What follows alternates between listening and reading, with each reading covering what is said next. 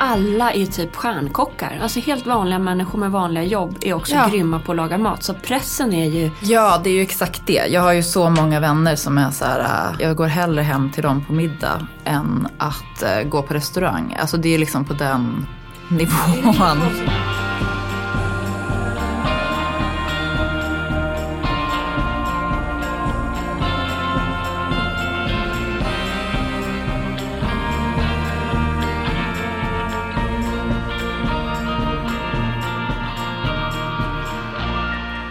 Morgon Kattis. God morgon Elin. Du ser glad ut.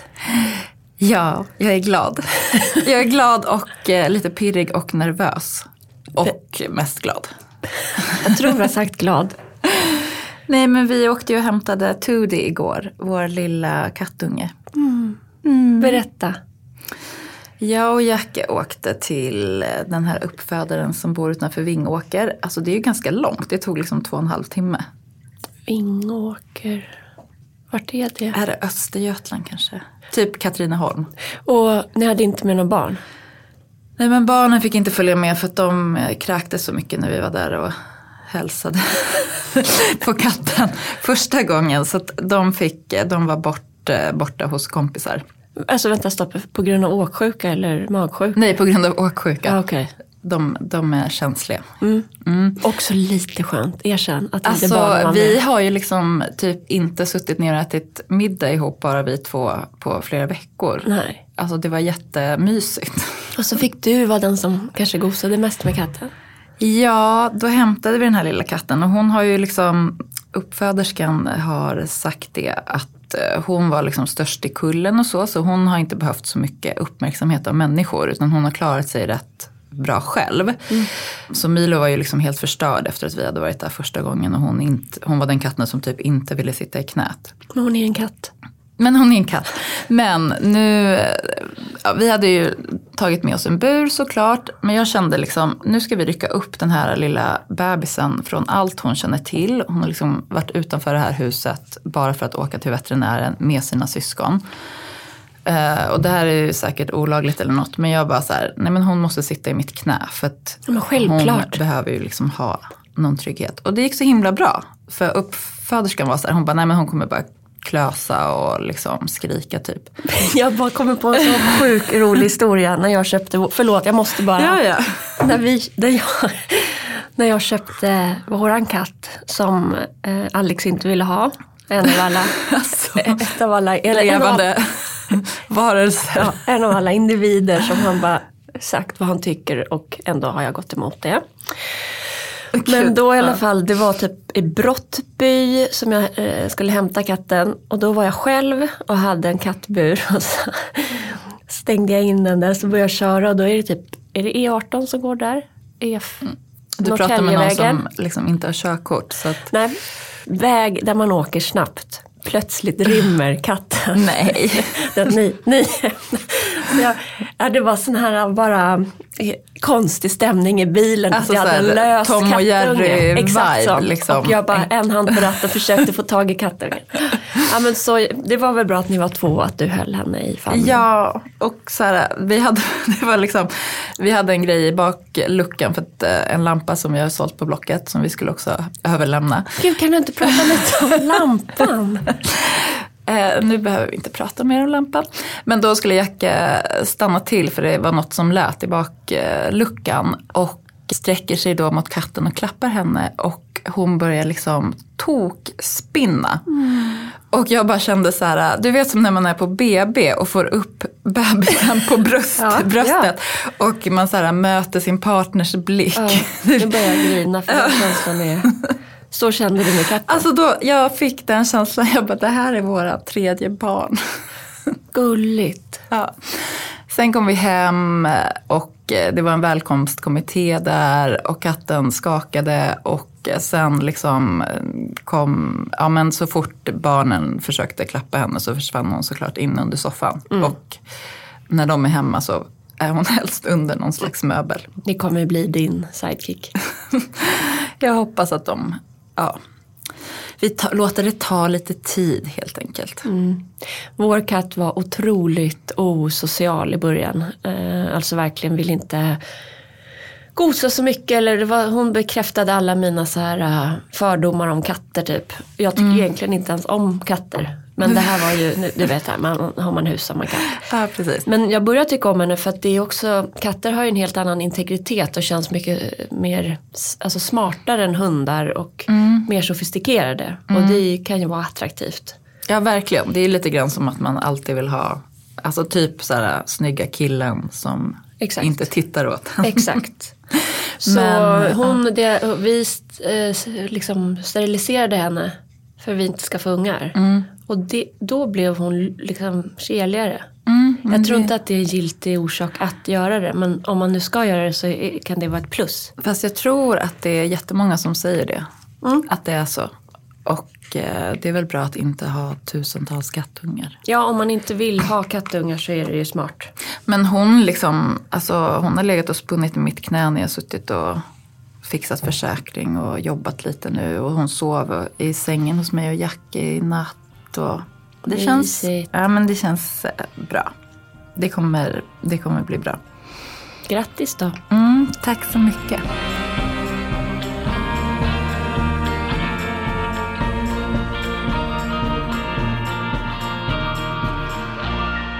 Men Elin, du har ju också blivit djurmamma i veckan har jag sett.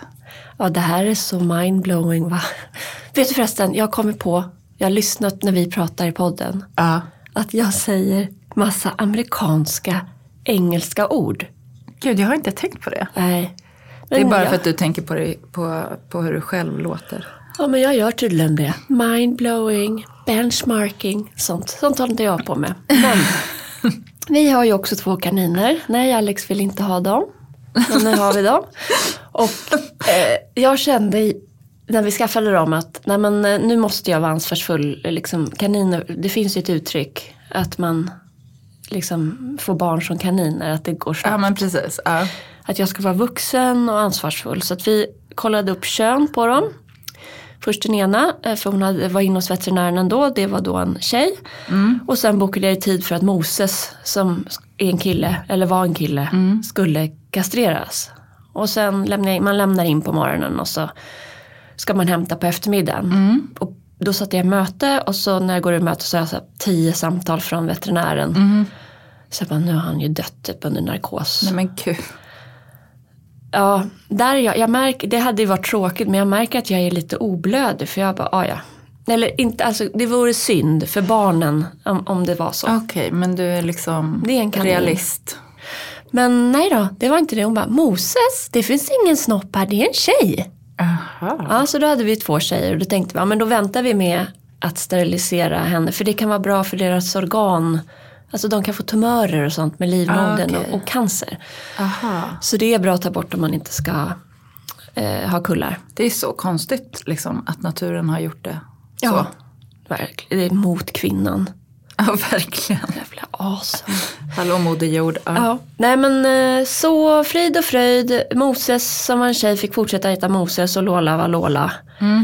Och sen i söndag så ligger jag och vilar i sovrummet. Och så kommer Ingrid infarandes över, alltså helt eh, hyster, alltså på, ett, på en annan nivå än Gröna Lund glad liksom. Okej. Det är kaninungar! Det är kaninungar! Sen for vi ut och jag försökte vara lugn vuxen.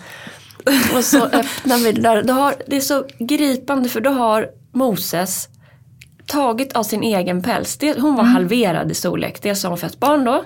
Men gud. Hon har Ja. slitit av sin egen päls och byggt ett bo för sina barn. Nej men, Och det var så satans gulliga. Ja, och, och, och Ingrid grät av lycka och jag var så, så här. Det var, kändes som jackpot för att jag hade ju försökt att inte få barn för att vara vuxen. Alltså inte få kaninungar. Du hade gjort alla rätt liksom. Och ändå Och fick ändå vi fick kaninungar. du kaninungar. Så otroligt nöjd. Okej, nu måste jag bara slinka in med en fråga. Men är de inte lite äckliga när de är nyfödda? Jo, alla andra utom de här. Okej. För jag, nej, men på riktigt, jag har ju varit med om det här som liten och då låg det ju det var ju en chockupplevelse för då låg det typ tio rosa gris, grisar såg det ut som, miniatyrgrisar inne i kaninburen. Alltså jag, det kändes ju typ som att det hade kommit in skadedjur eller något, det var äckligt. Ja. De här kaninungarna, de måste typ ja de har ögonen stängda fortfarande men de måste ju vara gamla, alltså typ en vecka eller något för de är helt pälsklädda.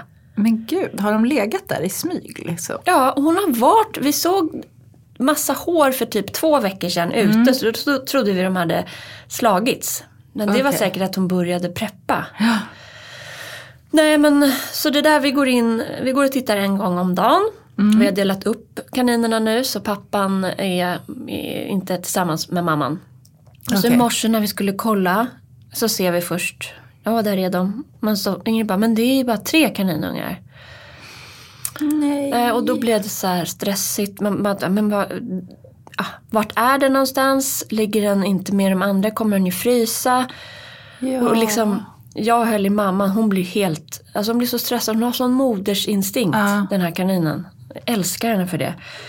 Nej men till slut så hittar Ingrid henne utanför, eller kaninungen, utanför buren död. Nej. Jo, och då blev det liksom gråtfestival hemma. Men har mamman tagit ut henne för att hon var död eller har hon dött för att hon var ute? Vi vet ju inte men jag, jag gissar att det måste varit så att eh, hon måste ha känt på doften antingen att den var död eller sjuk, att det är något fel. Och att hon har puttat den ut över en liten kant som finns. Så nu har vi åtgärdat man det kan ramla ner där mer. Okej. Så den här morgonen blev liksom och det har varit lite, jag vill inte gå in på det så mycket, men det har varit, döden har kommit nära eh, sista tiden för mig. Mm.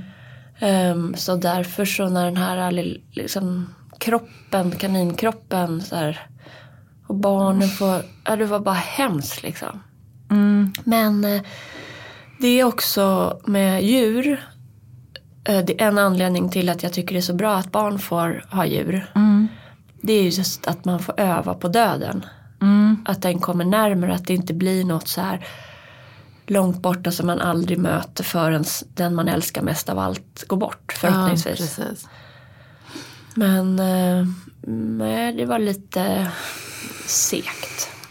Åh gud vad sorgligt. Mm. Men din katt kommer leva länge.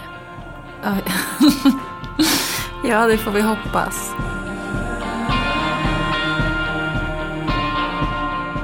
Men nog pratat om djur. För annat härligt som har hänt sen sist Mm.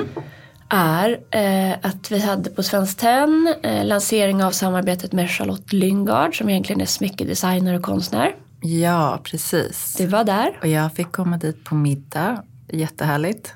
Mm, och jag har ju vetat om det här länge och varit så otroligt pepp på dukning. Ja. Och under tiden från liksom att det här samarbetet initierades och lanseringen var så har det, jag har sett liksom dukningsfeber blossa runt om i framförallt Sverige och sociala medier och tidningar. Ja men verkligen. Det känns eh, som att det är så on trend. Ja, Nu säger jag också engelska uttryck. yeah. I'm with ya. Ja. Nej men och jag tror att det handlar såklart om corona. Att man har varit hemma och haft tid att, att lägga på det. Och att man också, utan att vara psykolog, men eh, orolig tid i världen. Att man vill liksom, det är tryggt och mysigt att visa Ja. omvårdnad för Och dem. så här, omhändertagande och nu när man dessutom får börja träffas igen så kan de här dukningarna utvecklas lite. Exakt, man bara levlar upp. Ja exakt. men kom över på middag.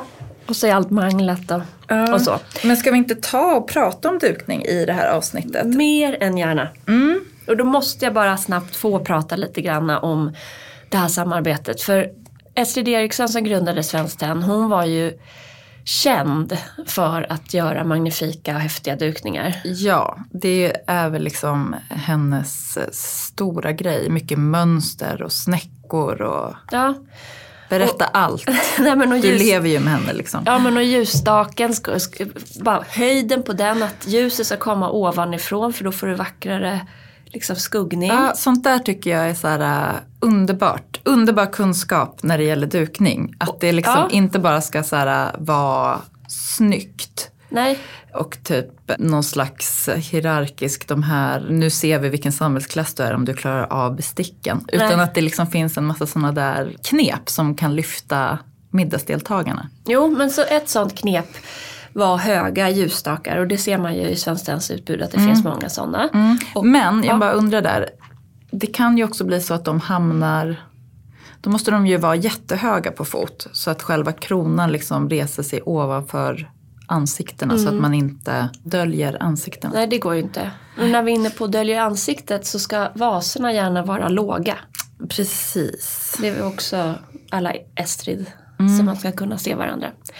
Eh, men jag pratade med Tommy Bindefeld som är senior advisor numera på Svenskt Jag förhör honom alltid inför varje lansering och så vill jag att han berättar mer om Estrid Eriksson och hennes tankar förr. Och, Ja, så det finns ju liksom verkligen en tanke med varje lansering. Det är ingenting som bara sker med så ah, men det blir nog bra utan genom, genomtänkt. Och då sa han, ja men han, hon var ju verkligen känd för sina dukningar. Och jag bara, men vad var det som var så speciellt då egentligen? Och då får man ju tänka att det här var liksom 30-talet och framåt.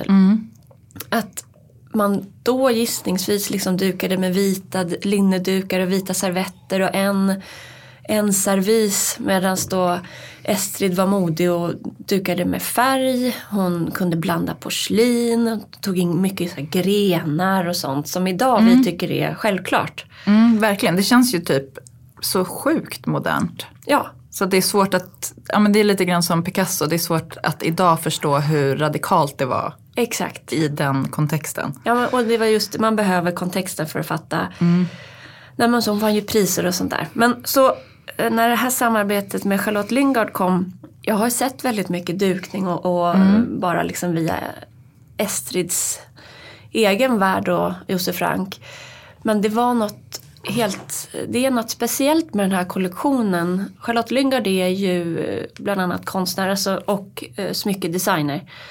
Olle Lyngards dotter. Precis, och har också så här, äh, ja men, she has it all typ. Ja. En, verkar ha en helt underbar familj och de liksom umgås mycket ihop. Och underbart hus vid stranden som vi har haft i L Decoration. Hon pratar danska. Och hon pratar danska. Hon är dessutom sådär fruktansvärt danskt, cool, snygg. Ja. Och jag menar vilken vuxen kvinna. Hon hade ju så små knutar. Typ som två tofsar fast i knutar. Vilken vuxen kvinna kan bära upp den frisyren? Jag undrar. Vad sjukt att du nämner det här för jag stod och tittade på dem länge. Och bara hur kan hon vara så vacker i de här två tofsarna? Ja. För jag skulle inte se klok ut. Nej, ingen, alltså jag kan typ inte komma på någon Nej. annan som skulle göra det. Man måste vara dansk. Ja, nej, men hon har någon sån magisk liksom grace och är väldigt sympatisk person, härlig. känns lite star quality fast liksom en riktig människa på något sätt. Men jag vet att hon gör sina skisser till smycken och så i akvarell. Och den här akvarellkänslan kan man liksom se i, för det är en dukningskollektion som har släppts. The North Sea som har um, fisk, det är massa härliga fiskar Ja, älskar det. och, och servettring och sånt. Alltså det, det var ju liksom eh, min absoluta favorit, de här servettringarna. I tenn. I tenn, då formade en som en plattfisk och en som en annan fisk. Jag är dålig på fiskar. Men du ska få fortsätta berätta om resten av kollektionen sen. Men, men jag bara kände liksom servettringar. En kollega till mig skulle köpa en julklapp, så du vet första julklappen till eh, en ny pojkvän. Och han var helt inne på servettringar och det är ganska svårt att få tag på. Ja. Men jag tror att det är liksom, när vi levlar upp bordet så har servettringen en given plats. Eh, jag vill egentligen in på det där nu. Om ni tycker om dukning så kika in på Svenskt Tenns hemsida eller i flödet. Eller hos, det finns ju hur många som helst som har skrivit om det här nu och det ligger massa bilder uppe. Men in och kika, härliga grejer. Men eh, jag har ett knep när det gäller ser- servettringar. För jag har alltid servetter. Alltså, ska vi prata om dukning, dukning nu? Liksom hur vi gör Ja, vi ser vart vi hamnar. Ja. Som vi brukar. Men som va- vardagsmiddag, då, då, är det pappservetter jämt. Okej. Alltså, och det här, varför jag tar upp det är för att jag inser att det är inte alla som gör så här. Vardagsmiddag, tyvärr. Alltså jag önskar att vi hade tillräckligt många textilservetter så att vi bara körde på dem liksom, och att vi tvättade tillräckligt ofta så att de alltid var rena. Ja. Men det är ganska ofta som vi har en sån här ful papprulle som typ är så här kökets och hemmets fulaste detalj. Ihop med disktrasan. Ja, jag tycker faktiskt att papprullen typ är fulare. Ja. Är det ur ett miljöperspektiv eller ekonomiskt perspektiv eller varför? Varför har jag inte köpt fler servetter? Jättebra fråga. Eftersom jag uppenbarligen vill ha det. Bara inte gjort. Jag har inte varit på så mycket loppisar på sistone. Det kan ha med det att göra. Alltså Mm. de Nej, men jag tänker också åren. pappservetter. För Ja, pappservetter, då Ja. känner jag så här. äh, Ja, jag vet inte om det är mindre miljövänligt än en vanlig rulle. Men det det känns säkert. mindre miljövänligt. Men det jag tycker är eh, så konstigt, jag kan även typ ta från hushållspappersrullen och vika. Ja, Men det har att göra med att jag tycker det är grobianfasoner att liksom inte ha en servett. För Mm. vad gör man av, man äter, alla som har ätit vet ju att du får mat, ja saliv. verkligen. Och med barn, de torkar ju av det. På det som finns till hands. Eller inte torkar av sig. Nej, det är typ mina barn. Ja. Alltid så här. äh, Och, och jag gillar ju att det är rent va. Så servetter, check. Ja, nej men jag brukar också faktiskt vi, alltså bryta av från rullen. För att jag vill inte ha rullen på bordet. Den får liksom vara kvar i köket och eh, så lägger man och låtsas att, att hushållspappret är servett. Men jag ska, jag ska investera i eh, sommarens loppisjakt ska vara inriktad mycket på textilier. Ja, jag skriver upp här. Ja. Servetter. Och servettringar ska jag också hålla utkik efter på För- loppis. Jag måste, får jag bara flika in en sak med servettringar? För Ja. då min um, kollegas kille, han, i hans familj har alla en servettring med eh, liksom sin initial eller sitt namn. Och det tyckte jag kändes så mysigt att man liksom har sin servettring. Och då kanske, jag tänker då att har man en servett som inte är jättesmutsig så kan man liksom ha kvar den. Men man vet att det är ens egen. Att det också så finns någon slags praktisk Som man gör det. typ på jul. Så gör vi på jul. Ja, ja okej. Ja. Att man, har, man äter lunch eller fru- frukost så är det dukat med linneservetter. Men då hinner man ju inte tvätta dem till lunch. Nej, och precis. mangla. Då kan man ha dem när man har så stora familjesammankomster. Mm, jag tycker det är så charmigt. Ja, verkligen. Men, men det jag skulle säga om servettringar var att när, när jag då har gäster eller att det är liksom helgmiddag eller lite, lite mer krut i dukningen. Då har jag en stor rulle hampasnöre. Mm. Och så klipper jag bitar och gör en liten enkel rosett. För servetten. Ja, istället för servettring. Ja, Liksom. och den är väldigt eh, lätt att liksom plocka. Ja, det är så, man kan ju också plocka in en liten kvist av någonting och lägga där. Jag tycker det är Jättefint, jättefint. under. Ja, precis. Eller i, liksom, i den där knuten. Tråden, ja. ja. Fint. Men servettringar, nej. Jag har knappt några och jag, jag kände ju väldigt nu när jag såg den här Charlotte Lyngard att jag de där skulle jag vilja börja samla på. ja, jag kände samma sak. Och det känns också som att de har funnits på Svenskt Tenn hur länge som helst. Ja.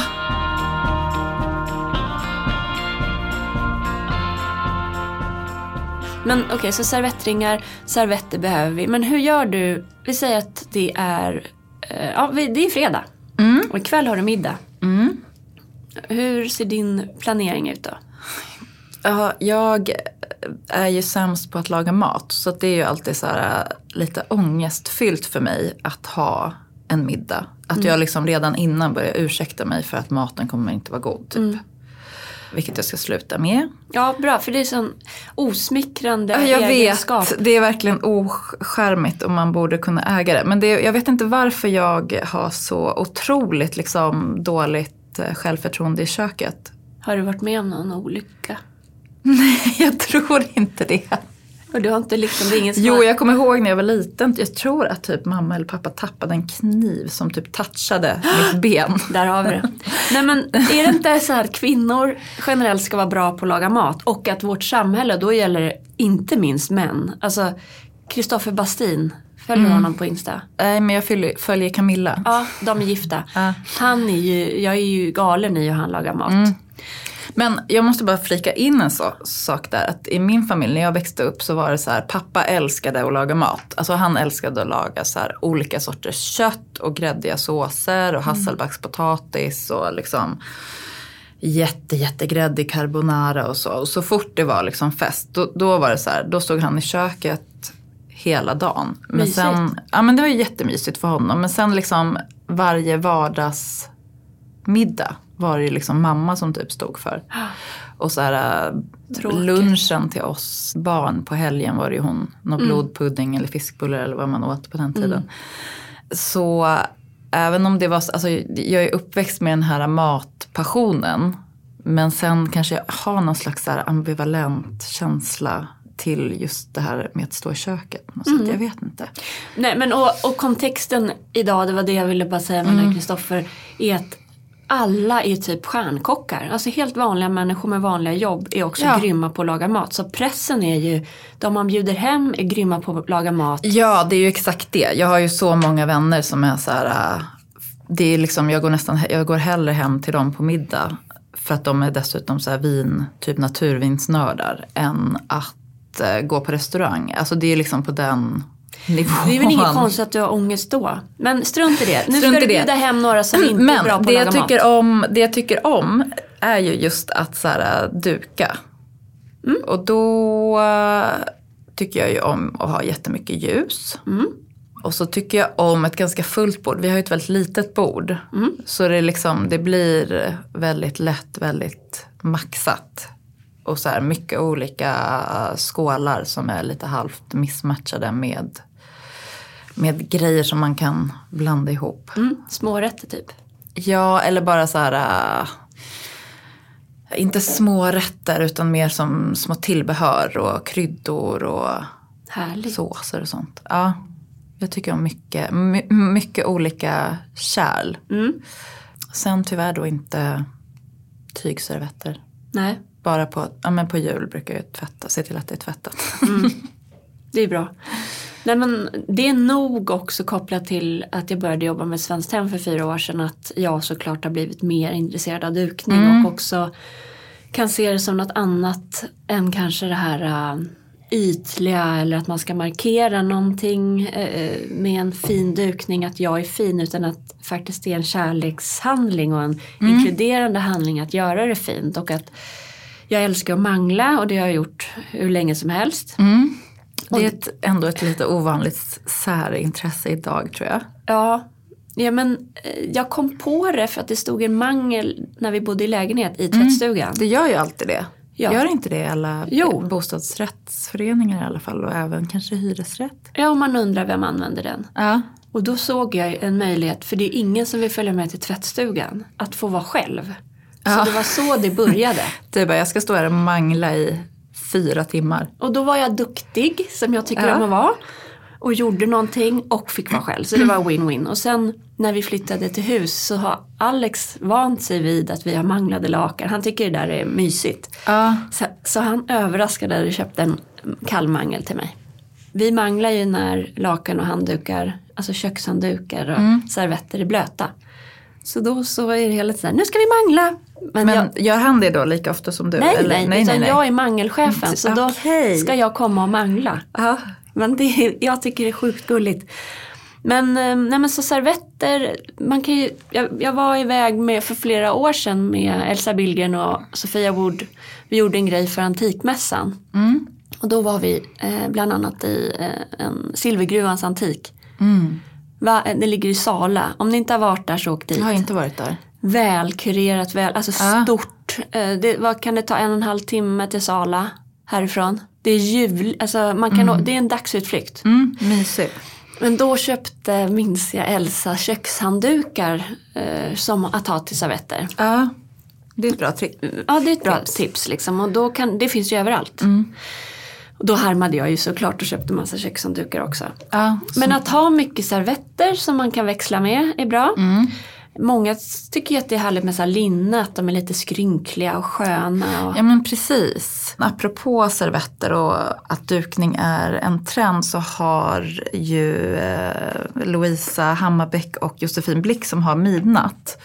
De har ju liksom, det började som ett sängklädesföretag och sen så har de gjort handdukar och nu har de gått in i köket och gjort så här jättefina dukar och supergulliga servetter som är lite så broderade med medelhavstema. Ja. Ehm, och det är ju ekologisk bomull och de kan ju också bli så lite skrynkliga och så. Jag tycker det, det kan vara charmigt. Särskilt då tänker jag om man har en servettring som ändå håller lite styr på dem. Så att det blir kontraster. Ja, precis. Smart. Mm. Så det är det vi ska leta efter på loppisarna i sommar. Servettringar och servetter. Ja, precis. Och man behöver ju inte fastna i att det ska vara 8-10 av samma sort. Utan man kan mixa. man kan mixa. Sen vill jag, apropå Charlotte Lyngards eh, kollektion nu, eh, så hade ju den ett ganska tydligt tema, det här fisktemat. Och då tänker jag eh, osökt på Hanna Hellqvist som ju har gått total bananas på dukning. Eller att göra bord som hon eh, kallar det. Och då är det ju liksom tema full on. Den där, eh, hon skrev ju DN för någon månad sedan eller Mm. två. Det var ju en sån som kom när jag visste att Charlotte Lyngard-kollektionen skulle släppas. Så i min Ja. spaning.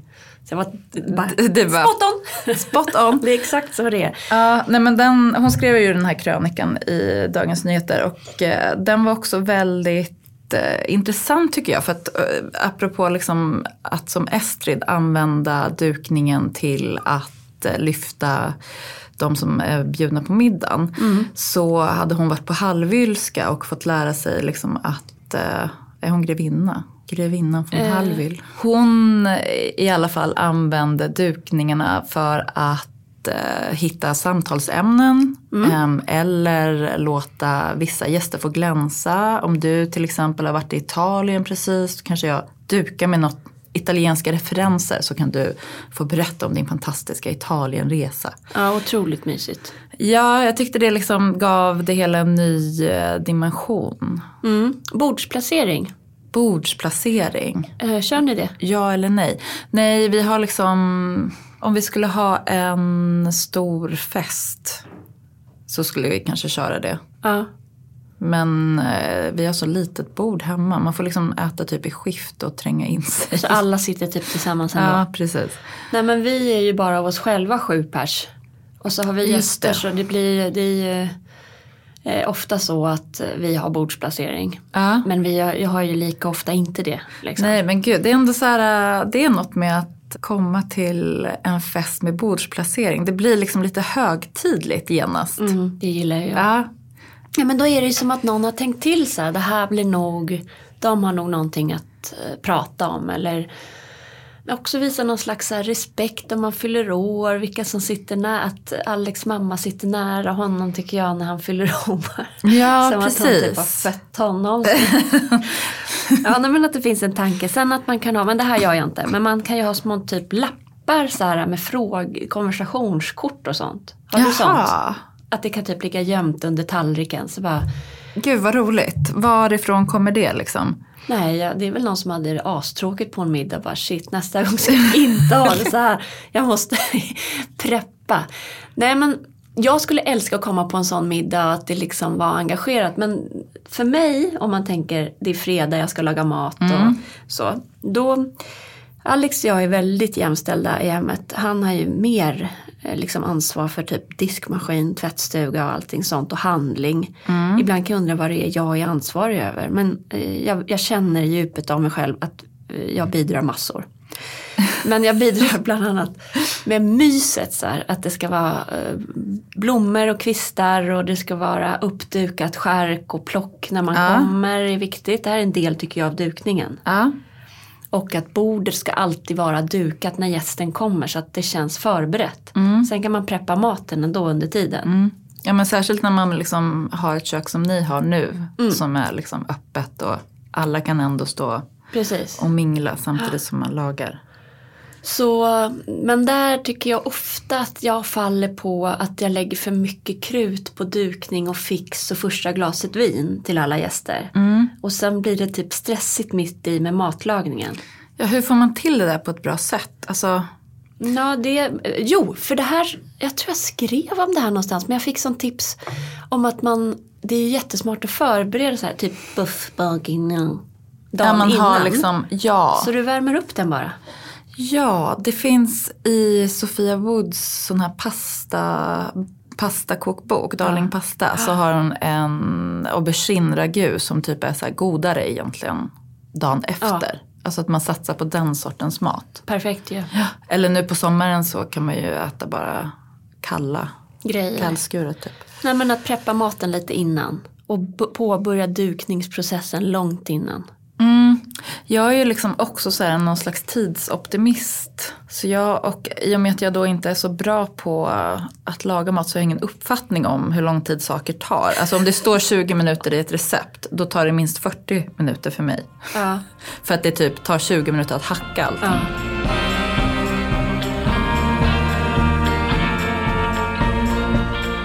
Ja, jag fattar. Men Jackie han gillar inte heller att laga mat. Nej, det här är ju liksom det största problemet med vårt äktenskap är att ingen av oss gillar att laga mat. Nej. Men värre problem har man ju haft i äktenskap. Ja, men det funkade jättebra när vi bodde i stan eller när vi bodde i New York för att båda vi älskar att gå ut och äta. Ja. Eller köpa liksom take-out. Ja. Men i Hökarängen, not so much. Nej, då är det ju också, det är inget konstigt då att du känner lite press om ingen av er. Det är inte så här, för jag kan känna med Alex, han blir, han blir sällan stressad över något. Och jag har ju någon eh, störd grej att jag älskar att ha folk på middag samtidigt som jag tycker det är asjobbigt för att Ja. jag får ett krav på mig. Alltså jag blir typ nervös. Ja, det Alltså- tycker jag är charmigt. Nej men jag fattar inte. Det är också att jag ska hålla på att analysera mitt psykiska tillstånd och alla mina beteenden Ja.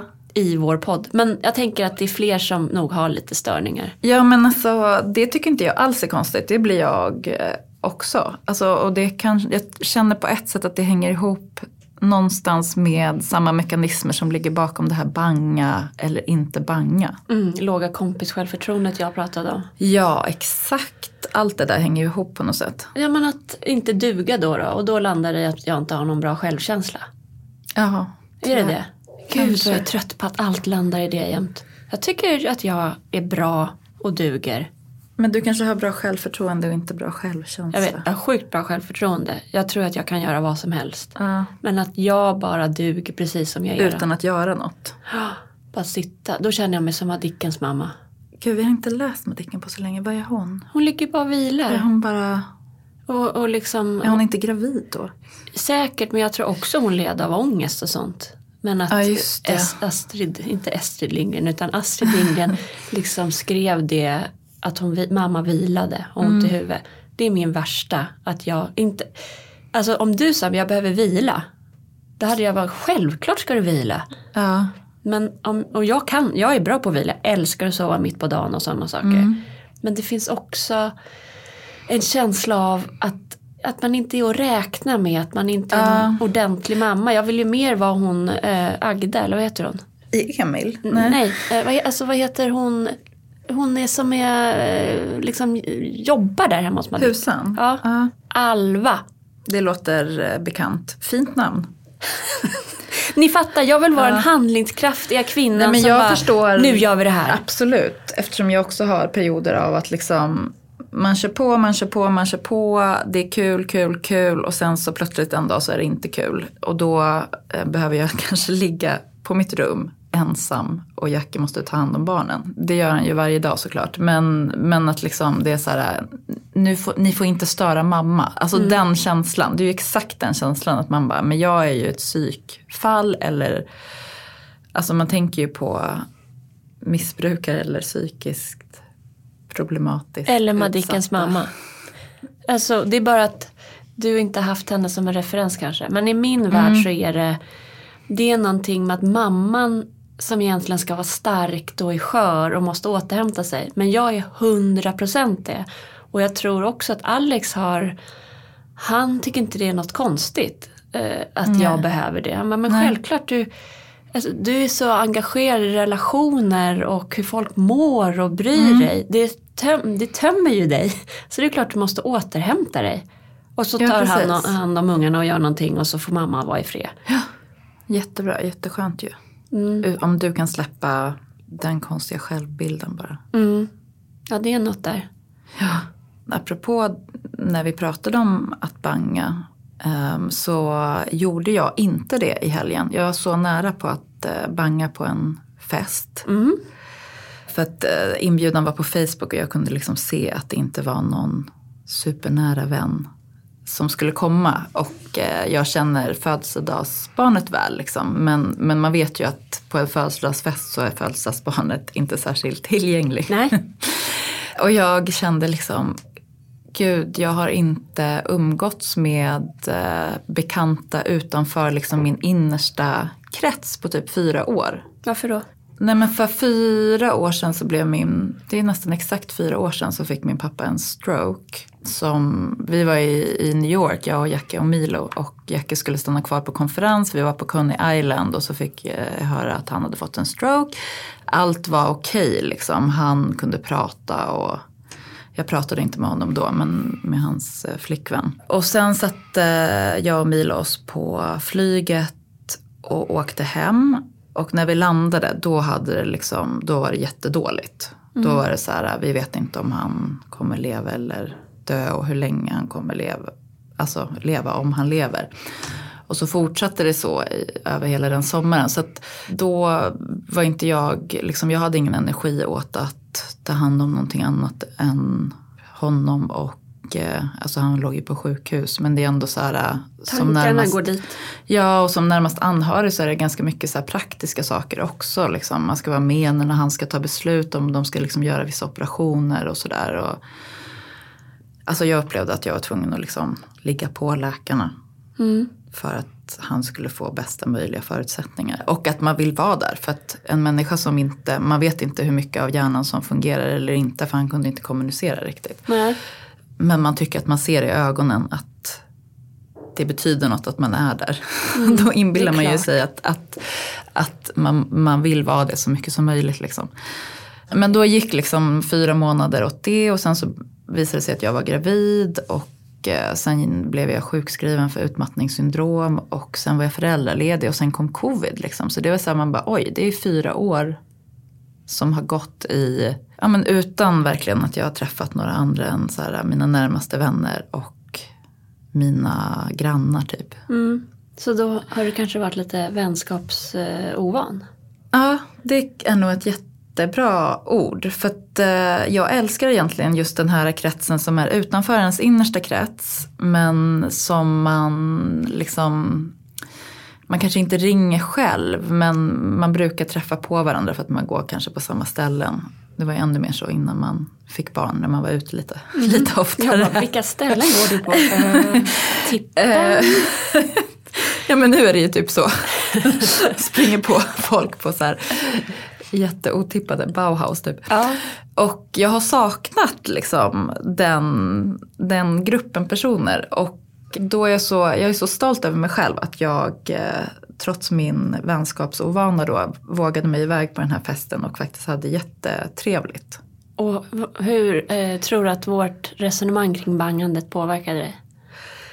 Ja, men bara det att, att reflektera över hur man agerar och varför och vad det får för konsekvenser för andra. Mm. Nu tror jag så här, eh, det var inte någon sittande middel så det var jätteavslappnat eh, utomhus men, men för mig själv så kändes det så viktigt ändå att om jag har sagt att jag ska göra någonting, att jag faktiskt gör det. Mm, man har liksom fått upp ögonen lite grann för ett beteende man skulle kunna ha ibland. Precis, och att så här, jag gör det en gång, mm. då är det väldigt lätt att göra det igen. Mm. Och nu ska man liksom ut i den här normala verkligheten igen. Så det kommer ju vara fler sådana situationer.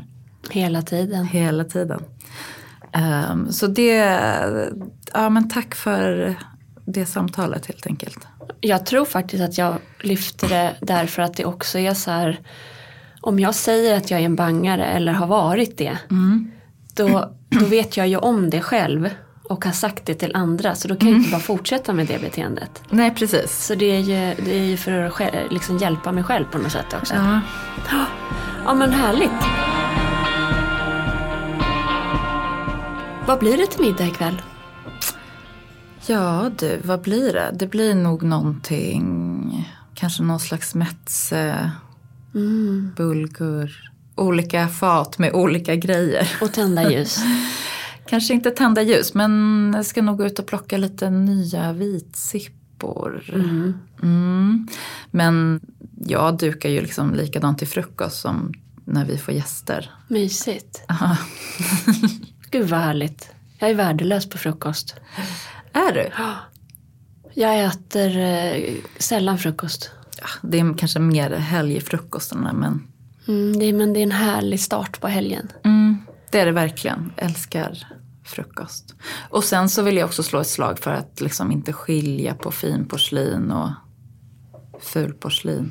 Nej, mi- eh, använd, fram med finporslinet ofta.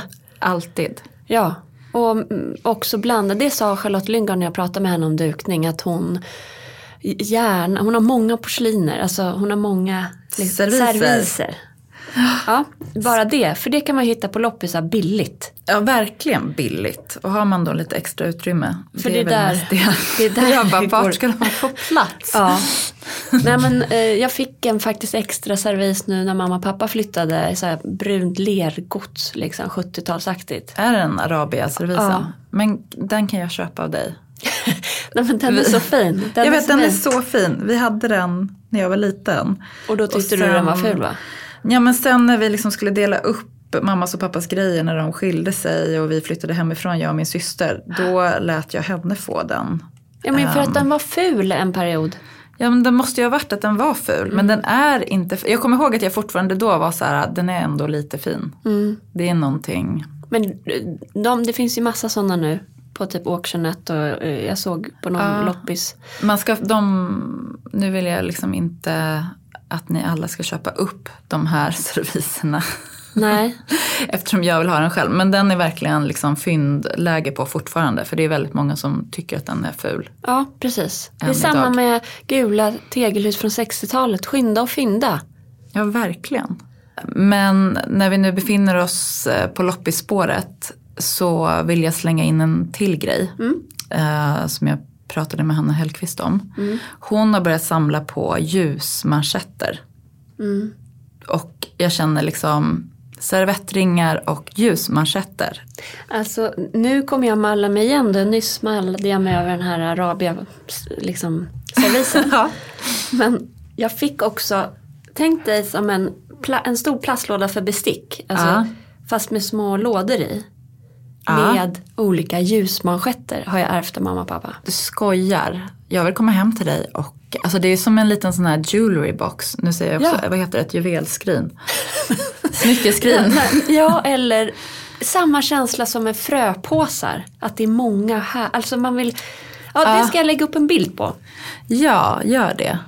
Apropå härligt. Eh, Det finns typ världens coolaste kvinna i New York. De är liksom ett gäng, ett New York-gäng. Om man följer dem på Instagram så är det så här. Hon heter Laila Gohar, Gohar Laila Gohar.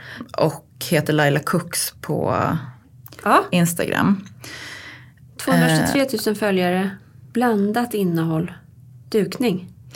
Precis, det känns som att de alla hänger ihop med en eh, designer som heter så Mariam Nasir Sadeh som har ett jättefin, fantastisk butik. I alla fall hade hon det när jag bodde i New York på Lower East Side. Och de är coola. Ja men de är så coola och gör så coola saker.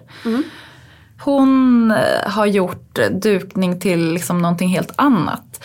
Eh, Hon använder sig av smör för att bygga liksom skulpturer som ser ut som grekiska skulpturer.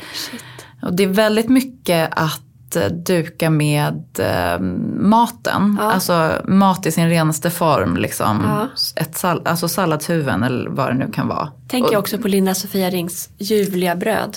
Åh gud, ja men verkligen. Tänk att kunna, men fatta prepp, alltså prepptiden på det här. Grekisk gudsmörsskulptur. Ja gud, jag vet inte ens hur hon gör. Hon måste ju ha en, liksom en form Ja, på något sätt. det är en, Då- det är en då- till nivå. Det, det är en till nivå. Eh, och med tanke på att jag knappt kan laga en pasta så ligger den väldigt långt bort. Men jag tycker det är så otroligt fint. Och eh, en sak nu när det är så här, um, studenttider och man, eller man kanske har någon eh, midsommarfest eller enklare bröllopsfest. Så tycker jag att det är så himla fint att bara sprida ut, alltså göra en spread. Det heter ju det på engelska. Det trodde jag Ehm. hade med beteckning och sånt att göra. Va? Alltså djur, är vi tillbaka på djuren? Ja, förlåt, fortsätt.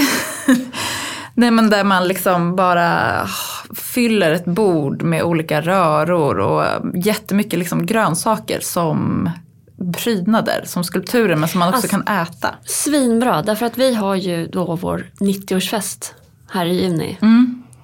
Och nu är det typ 140 pers som har tackat ja. Jag har fortfarande inte osat, är det för sent? Ni som är bjudna, Ja. Osa så vi, vi kan preppa klart här nu. Nej, men vi börjar känna lite så här att eh, vi behöver planera. Ja. Jag har köpt italienska flaggor eftersom vi har tema italienska rivieran. Surprise! ja, men, men då har jag börjat tänka på hur fixar man liksom så folk får i sig mat.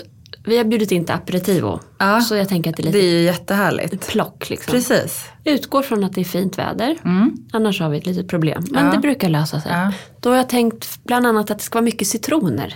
Underbart. Men då kanske man ska ha spread. Ja, jag ska skicka dig lite inspiration från Instagram. Jag, har, liksom, jag har ju mina de här inspirationsmapparna och jag heter, har en som heter servering. Fan, Inte bra. dukning utan liksom servering. Eh, och härom veckan så var jag på en jättehärlig lunch. Det var Baby Shop och eh, Jox, ett barnmärke. Som hade lunch tillsammans med Caroline Borg och Emily Slotte. Och de hade gjort så fint just med bara så här enkla vackra grönsaker, liksom primörer. Och olika guckor som man fick ta. Och, alltså, det Fan, behövs typ inte mer. Det var också så sjukt gott. Men vänta, typ räddisor? Typ de ja, det var inte- tvättade? De eller låg tvättade, ja, men det var så här, äh, framförallt små morötter men det var också gurka och lite annat. Ja. Men de, så här, jättesmå färska, alltså morötter som det kändes som att de hade varit och tagit upp ur landet. Liksom. Det hade det de ju ju inte. Men, genialiskt. men det var så himla charmigt och sen lite olika, någon hummus och någon fetaoströra och jättegoda oliver. Och så var allting också väldigt fint uppdukat för eh, någon som kanske är, kanske inte vill gå all in smörskulpturer. Men liksom lite så här fransk lantlig stil, olika tunna kristallglas blandat med liksom ljus, eh, ljus lergods. Eh. Är vi inne på potager snart igen? Alltså, ja vi är typ i potageren. Den hänger, den, den hänger ju ihop. Det här hänger ju ihop. Du går ju direkt från din potager och serverar det här. Och det som inte lyssnar på avsnittet där vi pratar om potager så är det ingen kruka utan alltså en, en trädgård. Och ingen soppa, men det man gör en sån här slät soppa av. Potage, jag har läst på. Slät. Ja. Jag tänker bara på släta av. Men... Du bara betäcka, släta jag av. kanske har ägglossning. Det kan vara så. Det kan vara så, se Mm. upp. Älskling. Ja, nej, men, eh, jag är helt pepp nu på att prova det här med små morötter och sånt i helgen. Ja, ja små gör det. Mm. Test, test och sen gånger 140 då. Det blir väldigt många morötter att tvätta. Men det är kanske du har en armé av barn som kan hjälpa till med. är jättebra på att sätta dem i arbete. Ja, underbart. Ni får en fin helg allihopa. Ja, ha en fin helg. Hej då. Hej då.